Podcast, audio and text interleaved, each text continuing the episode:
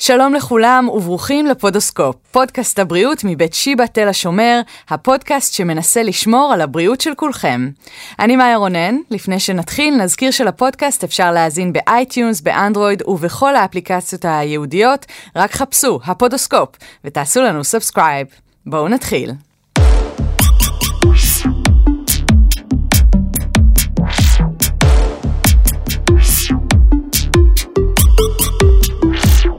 אכילה בהיצמדות לשעות קבועות, עיסוק כפייתי בחשיבה על מזון, אכילה איטית, פירור מנת אוכל, הימנעות מאכילה בחברה, כל אלה עלולים להיות סימנים להפרעות אכילה. ויש גם סימנים גופניים, חולשה, סחרחורת, נשירת שיער, שפשוף באצבע, צלקת בכף היד כתוצאה מהקאות, חום גוף נמוך, אי סבילות לקור, דופק איטי, שינויים הורמונליים, כמו בלימת ההתפתחות המינית, עצירת הגובה, אצל בנות אל וסת, אצל בנים הפסקת קרי לילה, אוסטאופורוזיס, ציפורניים סדוקות, שברים ספונטניים. היום נשוחח על הפרעות אכילה, איתנו באולפן דוקטור ינאי גירון פרנק, רופא בכיר בחטיבה לפסיכיאטריה והמערך לטיפול בהפרעות אכילה בילד והמתבגר, בבית החולים ספרא לילדים שיבא, תל השומר. שלום לך. אה, דוקטור ינאי, איך אה, מגיעים למצב כזה? מה בעצם קורה? הם, הרבה אנשים חושבים שנערה מתחילה לעשות דיאטה ואופס זה יוצא משליטה. Mm-hmm. ואנחנו יודעים היום שלמעשה הפרעת אכילה היא לא דיאטה. אוקיי, עם מצוקה מאוד מאוד גדולה של נערה, עם חרדה מאוד מאוד מאוד גדולה, אה, שהופכת להיות חרדה מעלייה במשקל, אה, חרדה מ... אה, מאיך היא נתפסת בעיני האחרים, אה, עם פגיעה מאוד גדולה באיך שהיא חושבת שהיא נראית, פגיעה בדימוי הגוף. אה, ובעצם לאט לאט פגיעה בכל המישורים התפקודיים ובכל החיים הרגילים שהיית מצפה מבן אדם רגיל, או במקרה שלנו נערה רגילה, שהופכת להיות נערה רגילה לנערה עם הפרעה מאוד מאוד קשה. עד כמה גורמים סביבתיים משפיעים על היווצרות המחלה? אמ, טוב, זה, כמו, זה, שאלת מיליון הדולר, נכון? כן, מה, גורם, כמו כל דבר ברפואה כנראה. נכון, מה, הגורמים. אה, אז אנחנו היום כמו בהרבה מקומות והרבה הפרעות אה, פסיכיאטריות, אנחנו מדברים על, אה, על הרבה מאוד סיבות שאפשר לחשוב עליהן, על הרבה גורמים. מי באמת גורמים סביבתיים, זאת אומרת איפה הנערה גדלה, באיזה אווירה, איזה חוויות היא עברה בחיים שלה, מה קורה בבית שלה, מה קורה בין ההורים, מה קורה בקשר, איזה חוויות אולי היא חוותה, חוויות טראומטיות במהלך, במהלך החיים. אה, מהבחינה הזאת באמת כל מיני גורמים סביבתיים כמו שאמרת, mm-hmm. ועד כל מיני גורמים גנטיים, תורשתיים, פסיכולוגיים, המבנה הפנימי של אותה נערה, נוקשות מחשבתית. אמ, באמת אה, קשה להצביע על סיבה ספציפית. יש אה, נערות שהיית אומר זה גורם סיכון בשבילה, נגיד הורים יכולים לחשוב, אוקיי, אם היא במחול, לצורך העניין זה איזשהו גורם סיכון, אם הבת שלי היא פרפקציוניסטית יותר מדי, אני מדברת פה כרגע על נערות נורמטיביות בחברה נורמטיבית שלא עברו לצורך העניין התעללות או משהו כזה. אז, אז נראה לי שבאמת יש, זה בעצם עובד הפוך, זאת אומרת אנחנו יודעים שנערה עם הפרעה באמת mm. אפשר אה, ללמוד על כל מיני, אפשר להצביע על כל מיני מאפיינים שהם יותר שכיחים. אה, באמת אפשר לראות אה, לפעמים, אה, כמו שאמרנו, איזה נוקשות או נערות פרפקציוניסטיות, אפשר, את יודעת, אישיות מסוימת נגיד שתתחבר, שהיא יותר, שהיא יותר אופיינית. אנחנו יודעים שיש כן יותר הרבה פעמים נערות עם עיסוק בדימוי גוף, במקצועות שקשורים לדימוי גוף, כמו מחול, כמו ספורט. Mm-hmm. הרבה פעמים הספורט הופך להיות חלק נורא נורא גדול, ולפעמים סביב פציעה או סביב דברים כאלה, פתאום יש שינויים נורא גדולים גם בגוף ש, שקורים. סך הכל ה... יש הרבה מאוד גורמים שיכולים mm-hmm. להשפיע שם. איזה סוגי הפרעות אכילה קיימות? תעשה לנו סדר. אמ, אז ננסה לעשות סדר אה, בגדול. אה, לרוב שתי הפרעות שכולם מכירים הם אנורקסיה נרבוזה ובולימיה נרבוזה. שבאנורקסיה בעצם המרכיב המרכזי שאנחנו נראה זה ירידה במשקל. אוקיי, זה רכיב רסטרקטיבי של ירידה במשקל, ובבולמיה אנחנו נראה בעצם איזשהו רכיב מרכזי של חוסר ויסות, חוסר ויסות בתוך האכילה אה, וניסיונות אה, לפצות על, על אכילה מוגברת, אה, על, על חוסר הוויסות באכילה. ומה המאפיינים והתסמינים uh, הנוספים שהורה יכול אולי ככה להסתכל על הילד, הילדה שלו ולהגיד, הופה, אני חושד שיש פה אנורקסיה או בולמיה? אז באמת, יש איזה קושי מאוד גדול בהפרעות אכילה, כי זה הפרעה שבעצם קורית דבר ראשון בין אה, האדם לעצמו. Mm-hmm. אוקיי, אני, אנחנו באמת, הרבה פעמים אני מדבר על נערות, כי באמת השכיחות בנערות היא, היא יותר גבוהה, אה, אבל אפשר לחשוב באמת על, על נערה שדבר ראשון חשה מצוקה, mm-hmm. ופונה נגיד לסימפטומים של הפרעת האכילה, כדי להרגיש יותר ערך, יותר טוב עם עצמה, ולרוב אלה דברים שקורים אה, לבד, עם עצמה, בחדר. אה, הניסיון להרגיש יותר טוב, יותר רזה, יותר מוצלח. אמ, ואנחנו יודעים אה, שלוקח הרבה, הרבה פעמים הרבה זמן, ויש ממש מקרים של, אה, של, אה, של שנה, שנתיים, שאנחנו שומעים אפילו יותר עם, עם נערות. זאת אומרת, זה שנה שנתיים אצל נערה, זה לא אצל מבוגר, זה ממש, זה המון זמן. Mm-hmm. שנערה בעצם... אמ, יש שינויים מאוד גדולים במה ש... שהיא עוברת, במה שהיא חווה, אה, בכל דפוסי האכילה, בכל דפוסי ההתנהגות אה, סביב האכילה, אה, ולמעשה זה, עוד, זה, זה בקושי נחשף החוצה. הרבה פעמים גם אנשים כמו אולי לא רוצים לראות, אוקיי? זה חלק אולי מה, מהבעיה, אנשים תמיד מעדיפים לחשוב שהכל בסדר, ו, ונראה לי להמשיך את ה... להמשיך את החיים כרגיל, והרבה פעמים זה בדיוק הדפוס, בעצם שאין איזה יכולת לתפוס את, ה, את הבעיות של אותה נערה, היא לא מצליחה בעצם לקבל מענה שהוא מותאם למה שהיא צריכה, לבעיות שלה, ואז הדברים מתפתחים בהתחלה לבד עם עצמה, ובסוף הדברים לרוב נהיים קיצוניים יותר, בהפרעות שהן קשות יותר כמובן, ואז אפשר לראות שינויים דרסטיים במשקל, mm-hmm. אפשר לראות באמת שפתאום כל מיני התנהגויות, אה, בעצם שינויים התנהגותיים, שדברים שונים מהרגיל. אם פעם נערה אכלה רגיל, אז פתאום היא לא אוכלת עם כולם, היא תאכל בחדר, היא לא תסכים לאכול בפני אנשים, פתאום תהיה, אה, יהיה מאוד חשוב לדייק בדברים מסוימים, אה, זאת אומרת במה בדיוק אה, אוכלים, כמה קלוריות יש, כמה בדיוק לחתוך ככה ולא ככה, וישמש בשמן הזה ולא בשמן האחר. אה, הכל הופך להיות מאוד מדויק, מאוד מחושב, מאוד כפייתי, אה, וזה בתוך האכילה עצמה. חוץ מזה, לרוב, אה, מיש, אה, נערה עם הפרעת האכילה, הרבה פעמים ההפרעה תופסת חלק נורא גדול מהחיים שלה ומהמחשבות שלה, ואז נראה גם שינויים בכל, במקומות אחרים, במקומות תפקודיים אחרים. לפעמים נראה ירידה בריכוז או חוסר או שינויים נגיד חברתיים, נערה שפתאום קשה לה לצאת החוצה, קשה לה לצאת עם חברים, היא ככה מרגישה פחות טוב עם עצמה, פחות טוב עם הגוף, לא תרצה ללכת לבריכה, לא תרצה ללכת לים.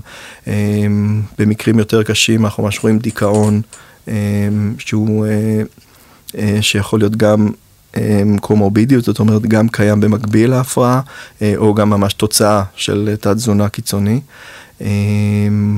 ואז באמת אפשר לראות את כל השינויים שגם קשורים אה, בדיכאון, זאת אומרת נערה שבאמת עם ירידה תפקודית, גם בבית ספר, גם בחברה, אה, מסתגרת, עם עצמה עצובה, נראה מתרגזת. נראה לי שזה כל כך חמקמק, בגלל שזה גיל כזה, שלפחות אה, לפי התפיסה שלנו אנחנו אומרים, אוקיי, בני נוער הם יותר מסתגרים, הם סוגרים את הדלת, בגלל זה כל כך קל, במרכאות אני אומרת, לפספס את זה, כי ההורה אומר, אני לא יודע אם זה נורמלי, לא נור, נור, נורמלי, אני צריך לדאוג, אני לא צריך לדאוג. הרבה מאוד חשש גם מצד ההורה, עד כמה באמת להתערב. אמ, זה, כן. זה, זה ממש נכון, זה תמיד אה, הבעיה בגיל ההתבגרות, שאנשים כאילו פתאום אומרים, רגע, מה, מה קורה כן. פה? זה רגיל, זה גיל ההתבגרות, mm-hmm. אבל נראה לי, אמ, הרבה פעמים שהם כן אפשר לזהות סימני מצוקה, או שיש איזושהי כן. מצוקה בדברים, למרות שהרבה פעמים מנסים להסתיר את זה. כן. אמ, אז, אז א', זה כמובן יהיה סימן, ובמידה ולא, ויש איזשהו חשד, אז נראה לי שהפנייה לאנשי מקצוע היא מאוד מאוד חשובה פה. כי באמת, לפעמים בתוך הקשר עם ההורים, במיוחד בגיל ההתבגרות, נורא נורא קשה לדעת מה עובר על הילד, אמ, אפילו בגילאים הרבה יותר צעירים, יש ילדים שלא משתפים, שלא כן. מדברים, שהקשר מאוד מהר אה, נהיה קשר של צעקות או קשר של כעסים, אה, או סתם ילד שהוא בונקר ולא משתף. אה, ואז הרבה פעמים באמת לפנות לאיש מקצוע, למישהו שיכול להעריך, אה, זה יכול להתחיל מרופא הילדים. אה, תזונאית, רופא המשפחה, פסיכיאטר במקרים שיותר מתלבטים. Mm-hmm. עד כמה להורים, למשפחה, יש איזשהו קשר להפרעות אכילה? הם, ההורים והמשפחה זאת הסביבה בעצם המיידית של, mm-hmm. הם, של, אה, של, של כל אדם שיש לו את ההפרעה, אוקיי? של, של מטופלת נגיד שנחשוב עליה. ואין ספק שה... ש, שאצל כל נער אה, וכל נערה המשפחה או הסביבה אה, הראשונית והמיידית יש לה את ההשפעה הכי גדולה mm-hmm. על, על החיים של אותו, של אותו נער. וכשקורים שם הדברים שא' הם יכולים דברים חיצוניים שקורים למשפחה, זאת אומרת אם יש איזה סטרסור גדול, בעיה כלכלית, מישהו חולה, גירושין, גירושין שזה כבר דברים שממש משפיעים על, ה, זאת אומרת על המסגרת המשפחתית עצמה. הרבה פעמים הורים באמת בזמן גירושים קשה לפנות מקום לצרכים אחרים מלבד כל הסערה של הגירושים עצמם, ואז הרבה דברים יכולים להתפספס, או הרבה צרכים בעצם של הילדים לא יכולים לקבל מענה, ואז יש באמת פנייה למקומות אחרים, כמובן לא פנייה מודעת בהכרח, למקומות אחרים להרגיש יותר טוב. להרגלי האכילה של ההורים יש איזושהי השפעה, נגיד אימא שבעצמה עסוקה בדיאטה, לא, לא כי יש לה בהכרח משהו שאתה כפסיכיאטר תגדיר כהפרעת אכילה, אבל היא שומרת, לא, לא נוגעת במתוקים, או אוכלת בצורה מסוימת, או לחילופין, הורה שכל הזמן אומר לילד שלו, אל תאכל את זה, שלא תשמין, שלא תשמין, שזה, זה, זה, זה נושא אחר שגם עליו היה לנו פודקאסט, השמנת יתר. Um, יש לזה השפעה על היווצרות של אנורקסיה? אז אנחנו יודעים שיש לזה השפעה, um, בהחלט יש השפעה. Um, בעצם כל המודל, המודלים שהילד רואה, הם, מאוד משפיעים על איך אוכלים, מה אוכלים, זאת אומרת, אם נגיד בבית אוכלים אה, פרוסת עוגה, ופתאום אויש, למה עשיתי את זה, למה, זאת אומרת, אז, אז ברור שיש איזו קונוטציה שלילית שמתחילה להיכנס לתוך האכילה.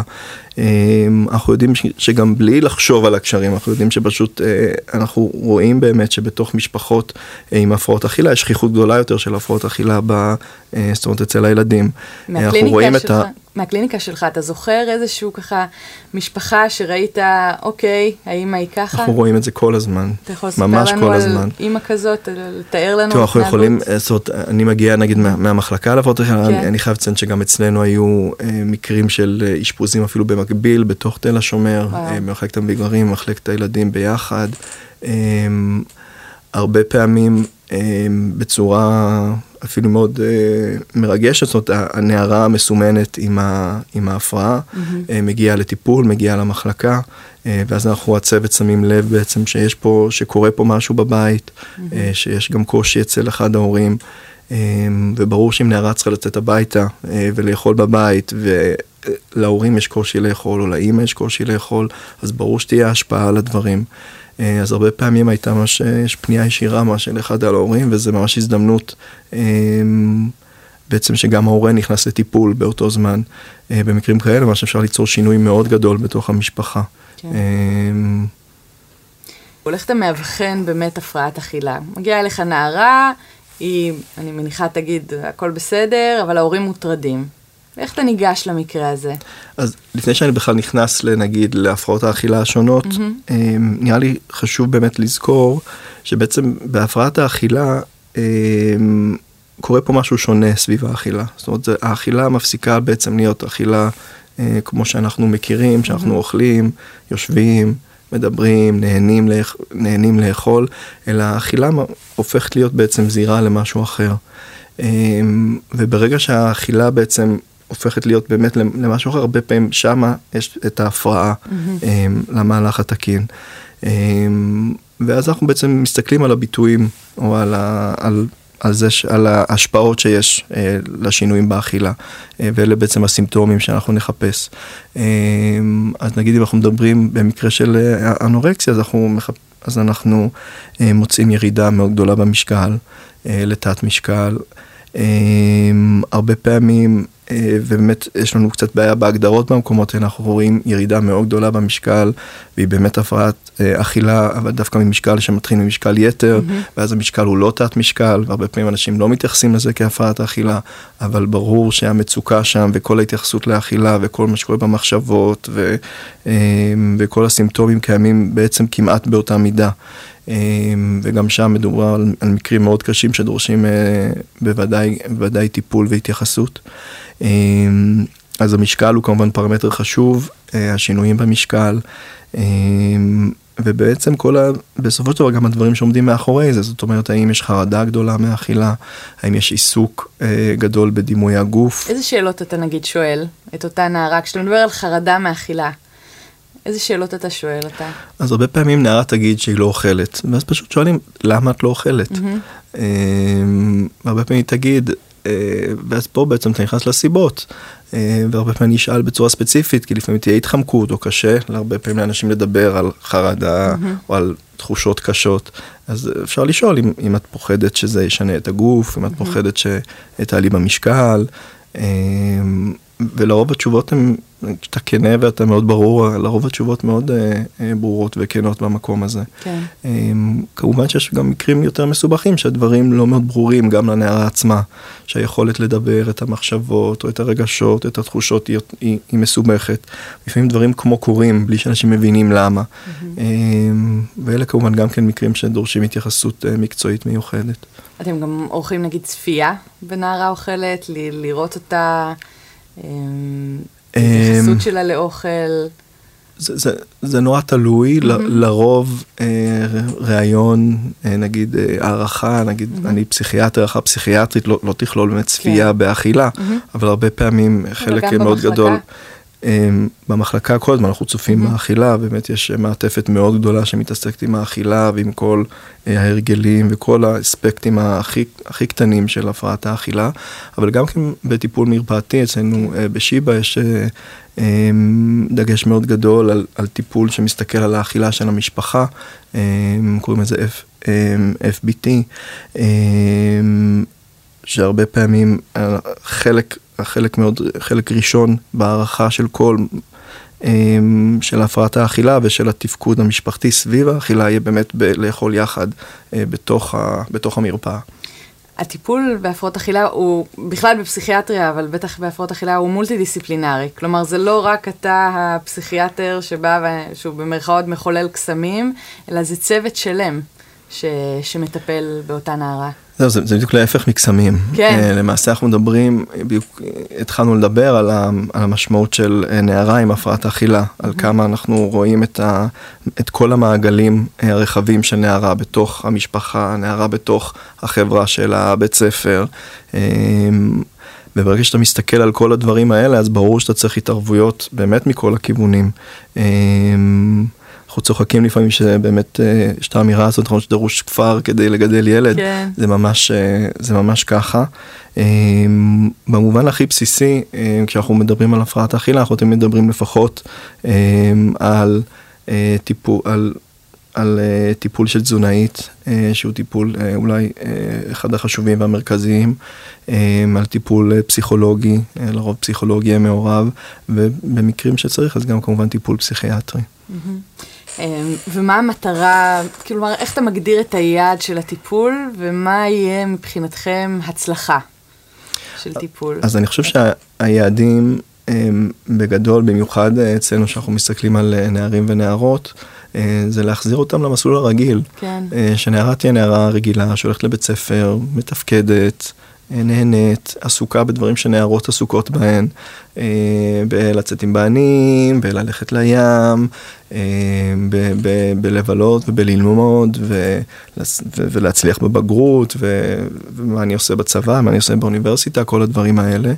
אה, ולא להיות עסוקה בארוחה הבאה שלי ובמה אני, ובלספור קלוריות. ראיתי, יש תוכנית עם רוני קובן במסגרת התאגיד, יוצאים מן הכלל. על אה, הפרעות אכילה במחלקה שלכם, ורואים שם את אחת הנערות רגע לפני השקילה, והיא אומרת, היא לא רוצה לעלות במשקל, וגם מתארת איך לעלות, הן צריכות לעלות 500 גרם בשבוע, כדי בעצם לקבל שעות חופשיות. מי שעולה יותר מ-500 זה נורא, זה אסון, כי היא גם עלתה וגם אה, על מה שצריך. זה תהליך מאוד סיזיפי. כלומר, הן נמצאות שם, ולא בהכרח יש עדיין תובנה בכלל למה שקורה להן ומה הן צריכות לעשות. זה באמת תהליך מאוד מסובך, רק לעשות תיקון קטן, כן. שמה שראו שם אה, בתוכנית זה את המחלקה של המבוגרים ולא את מחלקת הנוער. אה, אוקיי, אמ, לא, זה בסדר. אמ, באופן עקרוני, באמת יש פה יש פה תהליך שהוא מורכב, כי מצד אחד, נערה עם הפרעת אכילה, החיים מצטמצמים או הרצונות מצטמצמים ללרדת במשקל. Mm-hmm. כאילו כל הדברים, כל השאיפות, כל התחושה הטובה, הכל כאילו בסופו של דבר מתחיל להיות, אה, לנבוע או להיות מושלך על, ה, על המשקל, על הרזון, על המראה. אה, ונורא קשה, אה, במיוחד במקרים קשים, להסתכל על דברים רגע מבחוץ, mm-hmm. לבוא ולהגיד רגע, רגע, רגע, אם אני כרגע אה, רק עסוקה כל היום במשקל ובא, ובאוכל, אז החיים שלי הם לא טובים, והייתי מעדיפה שהחיים שלי יהיו יותר טובים. אה, ואני, ונורא קשה להיות עם תובנה אה, שדווקא להילחם בהפרעת האכילה, או להילחם בגורמים האלה שמעוררים את החרדה הכי גדולה באותו רגע, הם הם יביאו לזה שדווקא המצב שלי יותר טוב. ואז לפעמים גם בהתייחסות שלנו מבחוץ, אנחנו שוכחים לפעמים שמדובר בנערה עם הרבה חרדה, אנחנו mm-hmm. כועסים על הנערה במקום לכעוס נגיד על ההפרעה, ואולי בכלל המילה כעס היא בכלל מילה שלא במקומה. ובעצם אנחנו, חלק מאוד גדול מהעניין הוא בעצם ליצור כמה שאפשר, וזה משהו שמתאפשר יותר ויותר במהלך הטיפול, ככל שהטיפול מתקדם, זה ליצור ברית עם הנערה אל מול ההפרעה. במקרים כאלה זה כבר באמת שם אנחנו באמת עם המקרה של ה-500 גרם, אנחנו רואים בעצם את, ה, את, את המורכבות. מצד אחד היא רצתה להישאר במחלקה, להישאר בטיפול mm-hmm. ולעמוד uh, בציפיות. Uh, מצד שני היה לה גם קול נורא נורא חזק שאמר, רגע, רגע, זה בלתי נסבל שאני אעלה יותר. Mm-hmm. Uh, והיא לא יכלה גם לחבר נגיד בין זה שאם אני אעלה יותר אז אני אתקדם יותר מהר והתהליך פה ייגמר כן. יותר מהר, אני אשתחרר הביתה יותר מהר. כל זה באותו רגע לא היה אכפת. היה את החרדה הכל כך גדולה שפשוט לא אפשרה לראות משהו אחר. אגב, החרדה הזו, גם יש להן תפיסה שגויה של עצמי, מתארות את עצמן כמו אני מפלצת ששוקלת 200 קילוגרם, ממש תפיסה שגויה של המציאות. אמ, איך עובדים על זה, על שינוי התפיסה של הגוף שלהן? כי הן באמת מאמינות וחושבות שהן שוקלות עכשיו 200 קילו. הרבה פעמים הטיפול הוא, הוא, לא, הוא לא מוכוון בצורה ישירה mm-hmm. אל הדברים האלה, אמ, אלא בעצם כמו שאמרנו, אם אנחנו מטפלים בצורה כוללנית, אה, ואנחנו בעצם מטפלים ברוב הבעיות הסביבתיות נגיד, אה, הנערה מרגישה יותר טוב, אה, ואנחנו מטפלים בעצם בחרדה הבסיסית. אז לרוב הדברים, הדברים מסתדרים ומתקדמים ביחד, הדברים הולכים ביחד. זה קצת כמו אבן שזורקים לאגם, ואז יש את.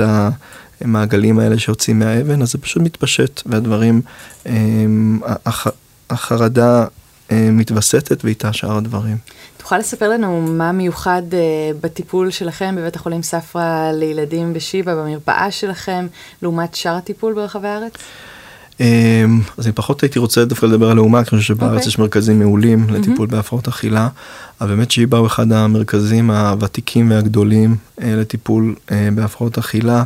אה, באמת המחלקה והמערך להפרעות אכילה בנוער שואב בסופו של דבר את המקרים אולי הכי קשים גם בארץ, מקום, אנשים שנכשלו בטיפול במקום אחר.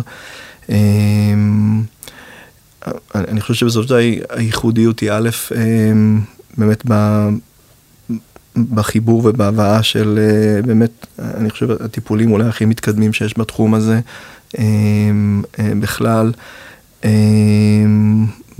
דיברת נגיד על המרפאה, אז במרפאה יש הרבה עיסוק גם כן, ב...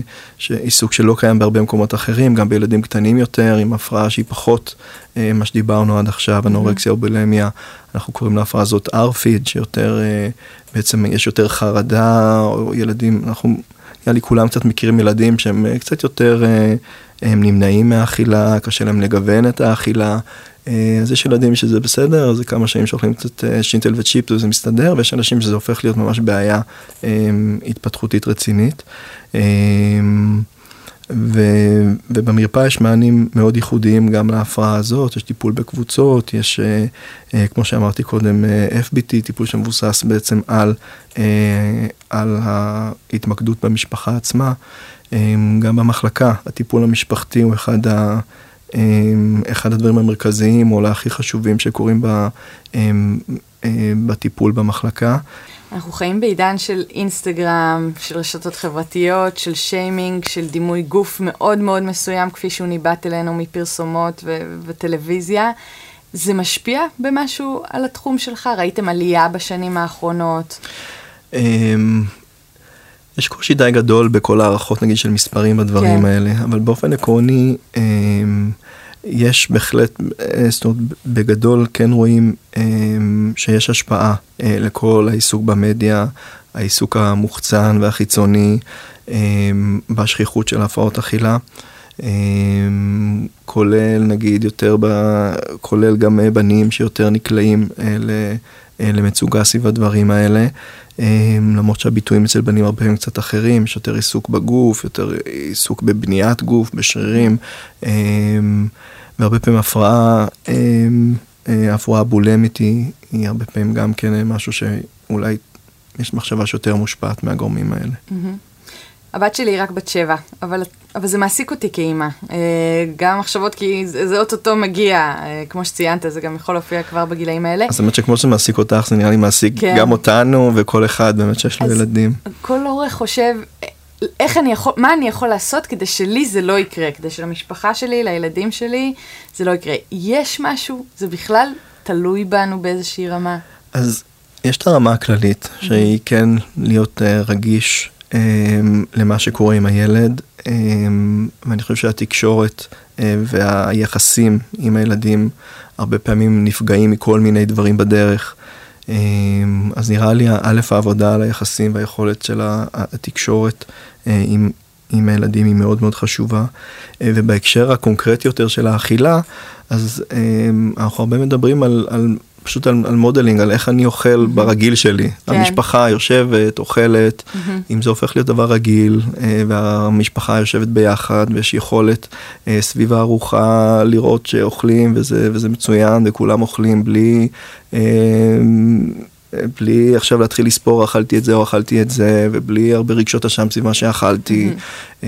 ובתוך הארוחה אולי גם יש יכולת לקיים חלק מהתקשורת הזאת שאנחנו מדברים עליה נראה לי שאלה הדברים אולי הכי חשובים. כי אנחנו גם באיזשהו עידן שיש מתח בין הפחד גם מהשמנת יתר, שהיא אה, בעיה בפני עצמה, לבין באמת הפחד מלגרום לאיזושהי הפרעת אכילה לילד, אם אני אגיד לו, אוקיי, אכלת קינוח אחד זה מספיק, אה, שים לב למה שאתה אוכל, אוי, עלית קילו במשקל. נכון, איך להתנהל שזה, בתוך המתח הזה. זה באמת אה, נקודה מאוד חשובה, שכולנו קצת לפעמים אולי מסתכלים על הילדים שלנו ופוחדים, אוי ואבוי. Mm-hmm. אמ, אנחנו פוחדים שהוא יהיה אה, שמן מדי, כמו שאנחנו פוחדים שהוא יהיה אה, כל, כל כן. דבר שבינינו נתפס אולי אה, שלילי. אז לפעמים כבר התפיסה של זה כשלילי, או כמה אני חרד מזה, היא, היא, היא כבר אולי קצת משהו שיכול להקשות. אמ, והרבה פעמים אני חושב שהדבר הכי חשוב לעשות שם זה זאת, זה בעצם לערב גורם אה, מקצועי בתוך, ה, בתוך mm-hmm. ההתלבטות לגבי צורך בהתערבות בדיאטה של ילד. כי באופן עקרוני דיאטות לילדים ובטח לנערים מתבגרים זה לא, זה לא דבר מאוד מומלץ. כן. המטרה היא בגדול נערים אמורים, אה, נערים ונערות אמורים לעלות במשקל ולהתבגר ולהתפתח לאורך כל שנות ההתפתחות וההתבגרות שלהם. אמ, ואם יש מחשבה שצריך להתערב שם, אז כדאי שזה ייעשה באמת על, על ידי מישהו שפחות מעורב אה, רגשית במקום הזה, ויש לו את הכלים המקצועיים להסתכל רגע ולבחון מה נכון יהיה לעשות. אה, ולפנות או לתזונאית או, או לרופאי הילדים. התייחסת קודם uh, לסטיגמה שיש uh, במחלה פסיכיאטרית, ובקרב הציבור בכלל יש הרבה מחשבות על מחלקות מהסוג הזה. אתה יכול לשתף אותנו קצת uh, בכמה מילים על המחלקה, על הצוות, ככה לפרק את הדימוי? ספציפית על המחלקה שלנו, יכול להגיד שמי שנכנס פנימה, לרוב מרגיש שהוא נכנס לפני, למין פנימייה כזאת, mm-hmm. פחות לנראה לי מחלקה, בטח לא מחלקה פסיכיאטרית כמו שמדמיינים בסרטים. אמ, סך הכל רואים נערות אה, פחות או יותר רגילות, אמ, אנשים די רגילים, חדרים רגילים, שמיטות, יש אה, קורסאות, המקום מזמין וסך הכל נעים. אמ, אין ספק שקורים שם גם אה, דברים שהם שהם אחרים, והם באמת, אנשים מתמודדים שם עם קשיים מאוד מאוד גדולים, עם חרדות נורא נורא גדולות. וזה באמת מקום מורכב, אבל בגדול זה בטח לא מקום לחשוש או לפחד ממנו. קורה שנערות מגיעות בעצמן, שמזהות בעצמן שיש להן בעיה, או שלרוב זה ההורים ש... דוחפים לכיוון הטיפול. קורה הרבה פעמים שהנערה, קצת, קצת אמרנו שהרבה פעמים מגיעים להפרעת האכילה מתוך איזושהי מצוקה, כן. שמי שתרגיש אותה היא הנערה, והרבה פעמים היא לא תקבל מענה של הסביבה, או, או כי קשה לה לפנות אל הסביבה, או כי הסביבה פחות פנויה כרגע לתת את המענה הזה, mm-hmm. והרבה פעמים באמת הנערות הן אלה או דרך החמרה במצב יביאו לזה שפתאום כולם יתערבו, או ממש על ידי חיפוש אקטיבי. בהחלט יש לנו ממש מקרים שבאים ואומרים הנערה רוצה להתאשפז, או נערות שמגיעות במצב גופני לא טוב למחלקת הילדים, והן לא מוכנות ללכת הביתה. כן, תתאר לי את תחושת הסיפוק שלך כמטפל. כשאתה רואה הצלחה בטיפול? טוב, האמת ילדים ונוער יש, יש בזה באמת הרבה סיפוק, כי יש הרבה מאוד מקרים שאתה יכול לשנות ולהתערב. אה, את, אתה מתערב בהתחלה והמסלול קצת כמו חוזר להיות רגיל. אה, בעניינים האלה זה, יש ממש ממש תחושה שזה זכות להיות במקום, במקום הנכון ובזמן הנכון אה, בתוך המהלך הטיפולי הזה. אנחנו מתקרבים לסיום. יש לך מסר שחשוב לך להעביר ככה להורים ששומעים אותנו עכשיו בפקק וחושבים על הילדים שלהם או על הנערה שמתלבטת אם לפנות לעזרה? אז, אז נראה לי שהדבר הכי חשוב, גם נראה לי שגם דיברנו על זה כמה כן. פעמים, זה באמת הפנייה לעזרה. כן. כשחושבים בעצם בתוך הפרעת האכילה, אה, פנייה לעזרה זה כבר דבר שהוא בעצם לא קורה. אמ, זה אולי אחד הדברים הכי קשים שקורים. אז הפנייה לעזרה והפנייה לגורמי, לגורמים מקצועיים, בייחוד כאלה שגם מנוסים בהפרעת אכילה, כי ההתעסקות של תזונאית נגיד רגילה ותזונאית של הפרעות אכילה, הם בכל זאת, אה, אה, יש העיסוק והדרכים הטיפוליות הן שונות. אז, אז נראה לי שאם מישהו יקשיב לפודקאסט הזה ויגיד וואלה זה לא כל כך נורא לפנות לעזרה ולבדוק ולשאול אמ, אז נראה לי עשינו את שלנו. כן כן תודה רבה דוקטור ינאי גירון פרנק רופא בכיר בחטיבה לפסיכיאטריה והמערך לטיפול בהפרעות אכילה בילד והמתבגר בבית החולים ספרא לילדים שיבא תל השומר תודה רבה שהצטרפת אלינו.